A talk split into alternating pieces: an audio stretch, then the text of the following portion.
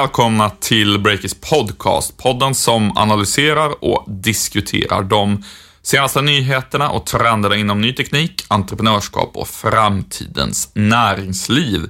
Olle Aronsson heter jag, jag är medgrundare till Breakit och med mig idag har jag Breakits affärsutvecklingschef och delägare Camilla Björkman. Camilla, hur känns det att vara tillbaka i podden? Det känns jättebra. Jag försöker ju på olika sätt kuppa mig in här i podden och den här veckan har jag lyckats. Ja, men du lyckas allt som ofta när humöret faller på. Du är duktig på att sälja in dig själv.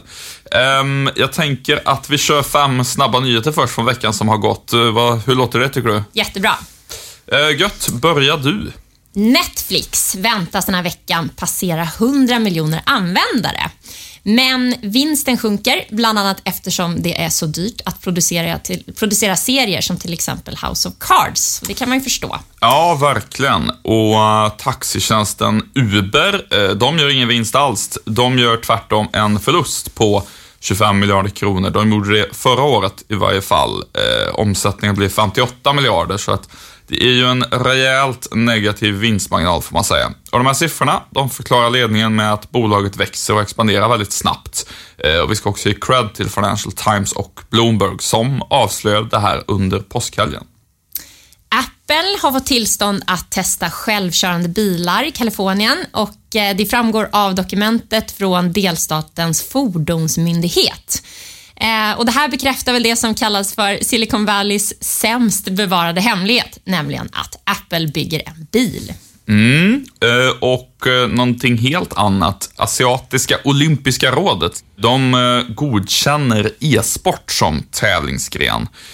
Det innebär inte att e-sport kommer att vara med i OS ännu. Dit kanske det är en bit kvar. Men det blir e-sport i de asiatiska spelen år 2022. Det här rapporterade China Daily i veckan. Och sen slutligen har vi bolaget Northvolt som ska bygga Europas största batterifabrik i Sverige under ledning av svensken Peter Karlsson. Eh, de värderas nu till 200 miljoner kronor, vilket Breakit kunde avslöja i veckan. Så att nu börjar huggsexan där Peter Karlsson ska förhandla med svenska kommuner om vem som kan ge bäst villkor till fabriken.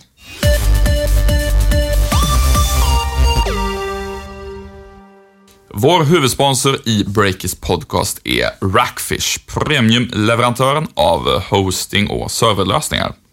Ja, och de är ju ett entreprenörsdrivet bolag där grundarna har över 20 års erfarenhet av internetteknologi. Starkt, eh, får man säga. De har verkligen varit med i början, eh, från när internet drog igång i Sverige. Eh, och jag tycker att man ser allt mer nu en trend där lagringssäkerhet och leveranssäkerhet vad gäller uppkoppling. Det blir allt viktigare eh, i takt med att allt fler kritiska funktioner i samhället kopplas upp. Eh, det är ju allt från bilar till sjukvård, eh, vi har livestreaming av video och allt fler uppkopplade prylar i hemmet.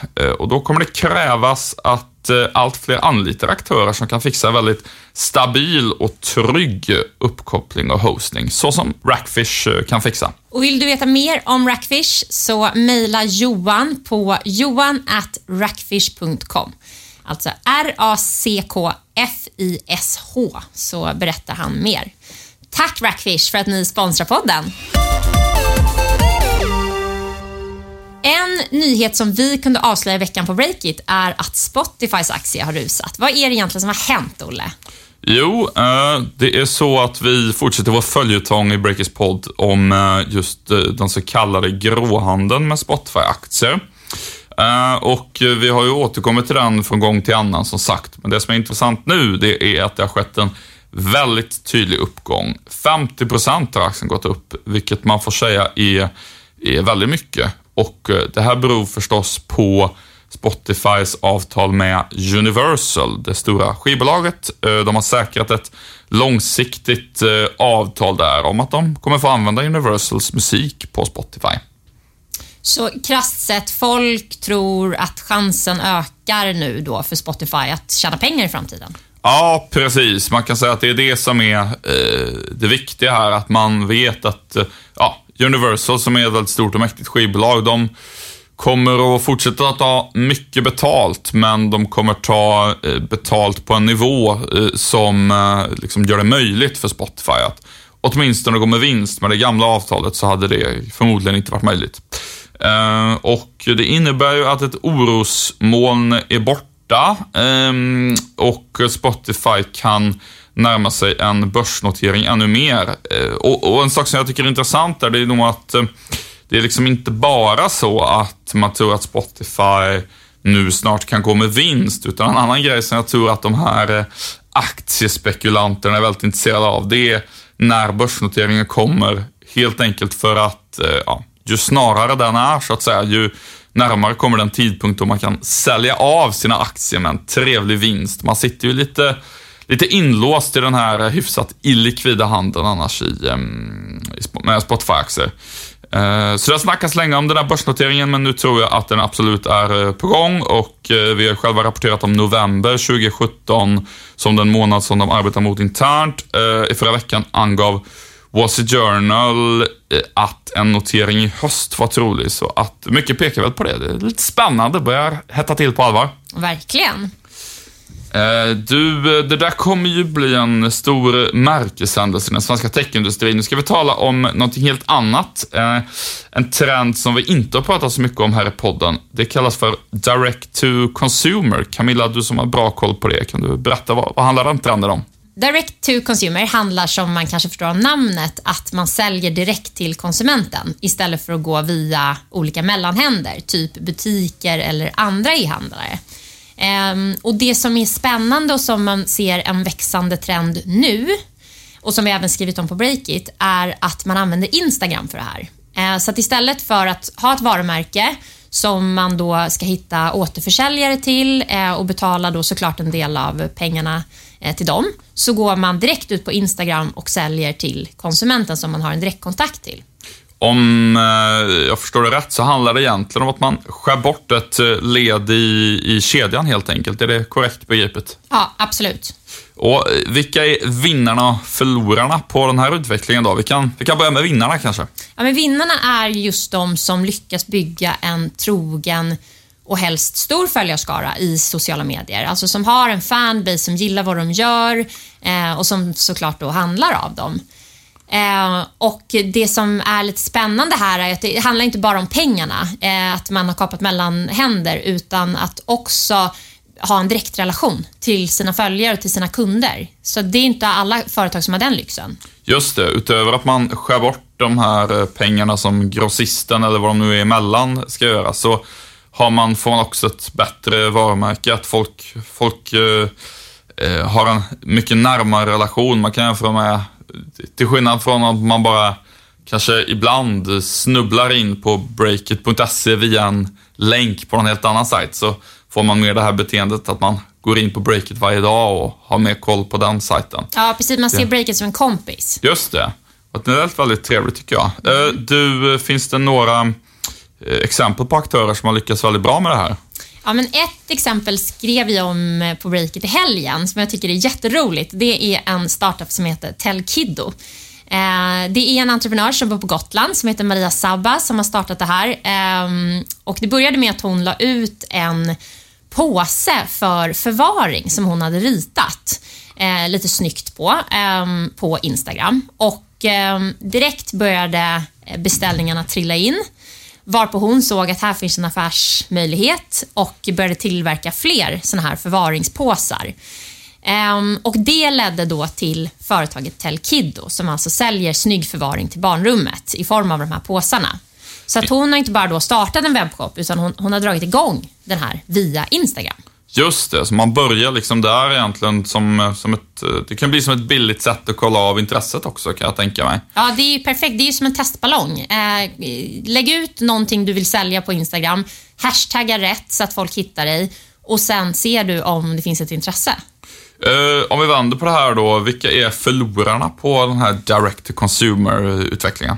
Ja, men dels är det de som, som inte lyckas eh, engagera sin målgrupp eller eh, bygga ett starkt varumärke som då måste förlita sig på det, ja, men att sälja på lågt pris eller eh, att köpa väldigt mycket marknadsföring för att nå ut med sina produkter.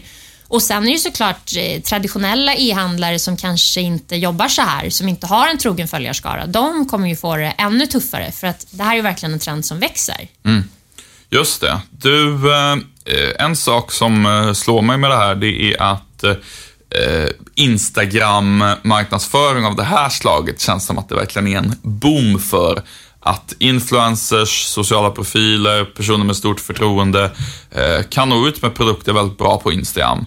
Samtidigt så, enligt de personer med bra koll på Instagram-marknadsföring som jag har pratat med, så är själva de automatiserade vanliga annonsköpen på Instagram, alltså de som Instagram får sina intäkter på, de har väl kanske inte blivit en jättehit som man väntade sig. Eh, Instagram får ju mig vetligen inte någon andel av försäljningen när en influencer lägger upp eh, en bild på någonting eller så eh, idag. Hur, hur ska man liksom förstå den där utvecklingen?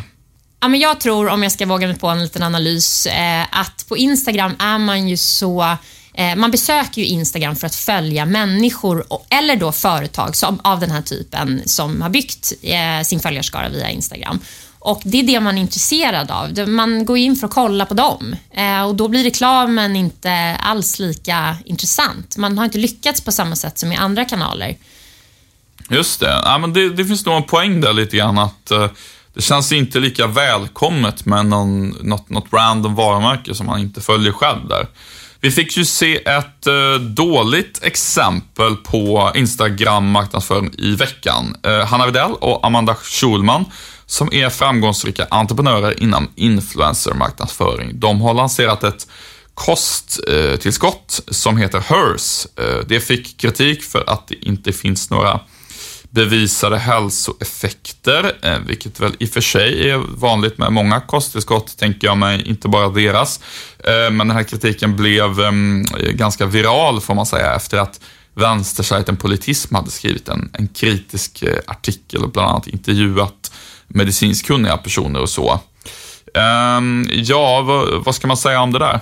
Ja, eh, jag tycker personligen att det där var lite av en storm i ett vattenglas, säger man så? Eh, ja, det alltså, kan man säga. Ja, det, det känns som att eh, bara för att förklara bakgrunden då att så här, Hanna Videll och Amanda Schulman så är ju jättestora eh, influencers på mm. framförallt Instagram där de har eh, massa följare. Jag är en av dem som följer allt de gör och de har gjort, de har gjort massa olika eh, typer av företag där de har sålt allt från vin till kläder och nu då kosttillskott.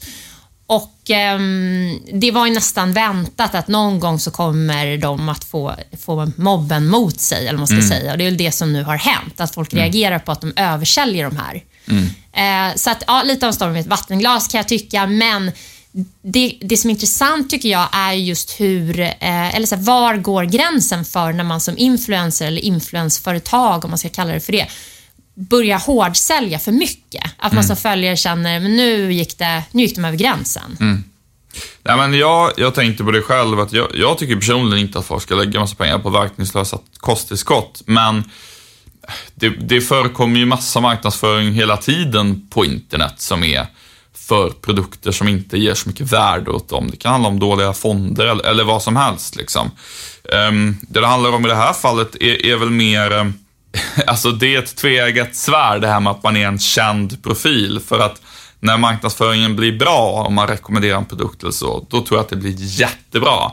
Men om man också rekommenderar någon produkt som visar sig inte vara bra och sätter sin trovärdighet på spel där, då kan uppmärksamheten ganska snabbt slå tillbaka medialt för att det är ganska tacksamt att ha i rubriken att Zlatan, eller vem det nu är, står för en produkt som inte, som inte ger något värde så att säga. Medan hade något eh, random tråkigt och okänt företag skrivit så hade det kanske inte fått samma mediala genomslagskraft.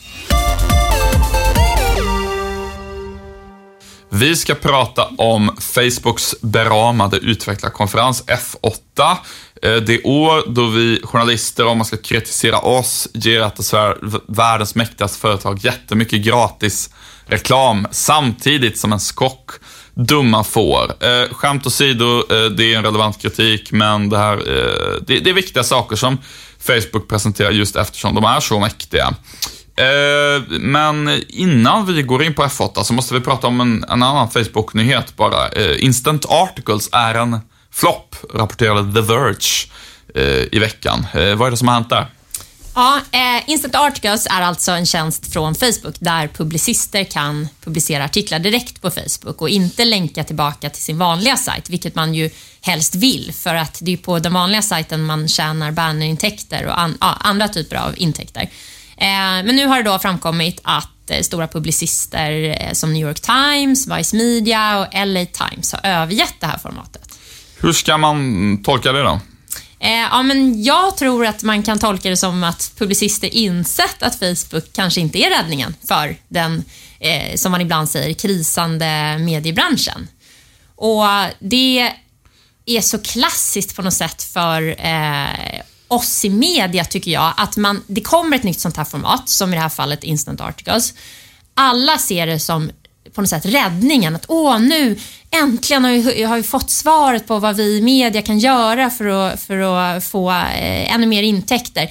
Alla kastar sig på det och sen blir det så här. Det var en flopp. Ja, men verkligen. Ja, vi är nog lite väl trendkänsliga i mediebranschen. Eh, det man väl ska säga här då är väl att eh, New York Times, eh, de var ju till exempel ett av de företag som var med i den här satsningen. Det innebär inte nödvändigtvis att de eh, så att säga gick all in på Instant Articles. De, de var med och provade graden av seriositet man gick in i. Det varierar säkert från publicist till publicist. Men med det sagt, jag håller verkligen med om att det blev ju en enorm diskussion kring Instant Articles. Så med utgångspunkten, det kanske är så här alla i framtiden kommer att ta del av innehåll. Så har det inte blivit. Intäkterna är för små, därför har de här aktörerna dragit sig ur. Och Ehm, jag spår att de här mediechattbottarna som är Facebooks nästa grej eh, också kommer bli en flopp. Att vi kommer prata om dem på samma sätt om ett år ungefär. Ja, men för det, det som jag tycker är, är värt att notera är just att även om formatet kan vara jättebra, det är egentligen ingen kritik mot Facebook Instant Articles eller, eller chattbottar, men problemet är när mediehus eller publicister eh, tänker att ett format liksom är lösningen på mm. deras utmaningar. Mm. För man kommer inte lyckas bara för att man övergår till en ny plattform, utan man måste ju ha något att säga eller något att komma med och det är där jag tror att många går bet. Bra redaktionellt innehåll och eh, bra affärs, eh, affärsmässighet i. Duk, duktig på att göra journalistik och duktig på att göra affärer helt enkelt. Det är ja. fortfarande viktigare. Ja. Uh, amen. Uh, ska vi ja. prata om F8 då? Ja, vad var det egentligen som hände där? Berätta. Mm, um, jag tänker ju spela ner det här nu. Uh, lite, um, uh, inte av någon, att jag tycker illa om Facebook på något sätt, utan för att jag faktiskt tycker att de känns allt mindre originella. Eh, det är ju så att Facebook ehm, på F8 då, som är en konferens som riktar sig till programmerare som på ett eller annat sätt samarbetar med eller jobbar mot Facebooks plattformar. Eh, där presenterar de en rad nya grejer och det mesta var eh, med fokus på VR och AR. De presenterar en ny produkt som heter Spaces som ska göra det möjligt att umgås i VR. Hur tycker du det låter? Det låter ganska trevligt tycker jag. Jag tycker också det låter ganska trevligt, men det känns som att um, det ligger några år bort kanske, att vi mm. går runt och umgås med varann eh, i VR. Eh, får se vad det blir av det. Kändes väl som att, ja, kanske i framtiden, men inte så intressant just nu. Eh, mer intressant just nu är ju ehm, eh, deras AR-satsning som de lanserade, som innehöll, ehm, vad ska man säga, en del konkreta saker just nu och sen en bred palett av löften om, om framtiden. Och vad är den här AR-satsningen? Jo, eh, Facebook kallar den för den första plattformen för att utveckla AR-produkter. Eh, AR är då förstärkt verklighet, alltså där man ser den riktiga världen, eh, men man kan liksom lägga till saker i den. Eh, Facebook har tagit fram ett gäng verktyg som programmerare kan använda för att ta fram nya AR-produkter. Eh, och det första var en sorts Snapchat-filter eh, on speed, typ. Känns ju inte jätterevolutionerande att man kommer kunna skapa en massa nya Snapchat-filter. Eh, och nästa steg då, som är mer intressant, men som de liksom annonserade men inte lanserade igår, som är mer av ett framtidslöfte då. Det handlar om utvecklarverktyg för spel i AR. Så lite som Pokémon Go kan man säga. Ja, men ganska exakt Pokémon Go skulle jag säga. Eh, och till exempel så hintar Facebook om att de eh, kommer att lansera utvecklarverktyg så att folk kan göra spel som gör det möjligt att ja, till exempel springa runt här på kontoret på Smålands, eh, Smålandsgatan i Stockholm så skulle vi kunna gå runt här och jaga färgglada bollar som flyger i luften eh, på kontoret men bollarna syns då bara på våra eh, mobilskärmar så att säga. Ja, det låter i och för sig sjukt kul. Det kanske ska vara en del av vår satsning på medarbetar medarbetarvård, Ja, personalvård. Ja. Absolut. Eh, Men hur tycker du att man ska tolka den här satsningen då? Jag tycker man ska tolka den som att Facebook blir allt mindre originella. Och det är därför jag sa i början att jag vill spela ner de här nyheterna de kommer med här. För eh, faktum är att eh, det är ju Pokémon Go som har gjort den här AR-revolutionen och introducerat den här eh, tekniken för gemene man. Det är faktiskt inte Facebook. Och vad gäller de här olika filtren och så, det är ju Snapchat som har introducerat det redan. Facebook Eh, bygger vidare eh, om man vill vara snäll, snor om man vill vara elak. Eh, den innovationen. Eh, och Sen tycker jag också man kan ifrågasätta lite grann hur mycket plattform för AR det här egentligen är. Alltså, plattformen är väl egentligen iOS och Android, de mobila eh, operativsystemen och de mobilkameraappar som finns förinbyggda i de operativsystemen. Jag förstår att Facebook gärna slänger sig med termen att det här är en plattform för AR, men eh, det som de väl egentligen vill säga, det är ju att eh, nu gör de det möjligt att bygga ännu mer saker eh, baserat på Facebooks egna appar. Eh, AR-grejer där i för att få folk att hänga ännu mer inne i Facebooks underbara värld där Mark kan sälja sina annonser. Eh, så att jag tycker att det känns som att det handlar mer om affärsutveckling för Facebook än om innovation för världen.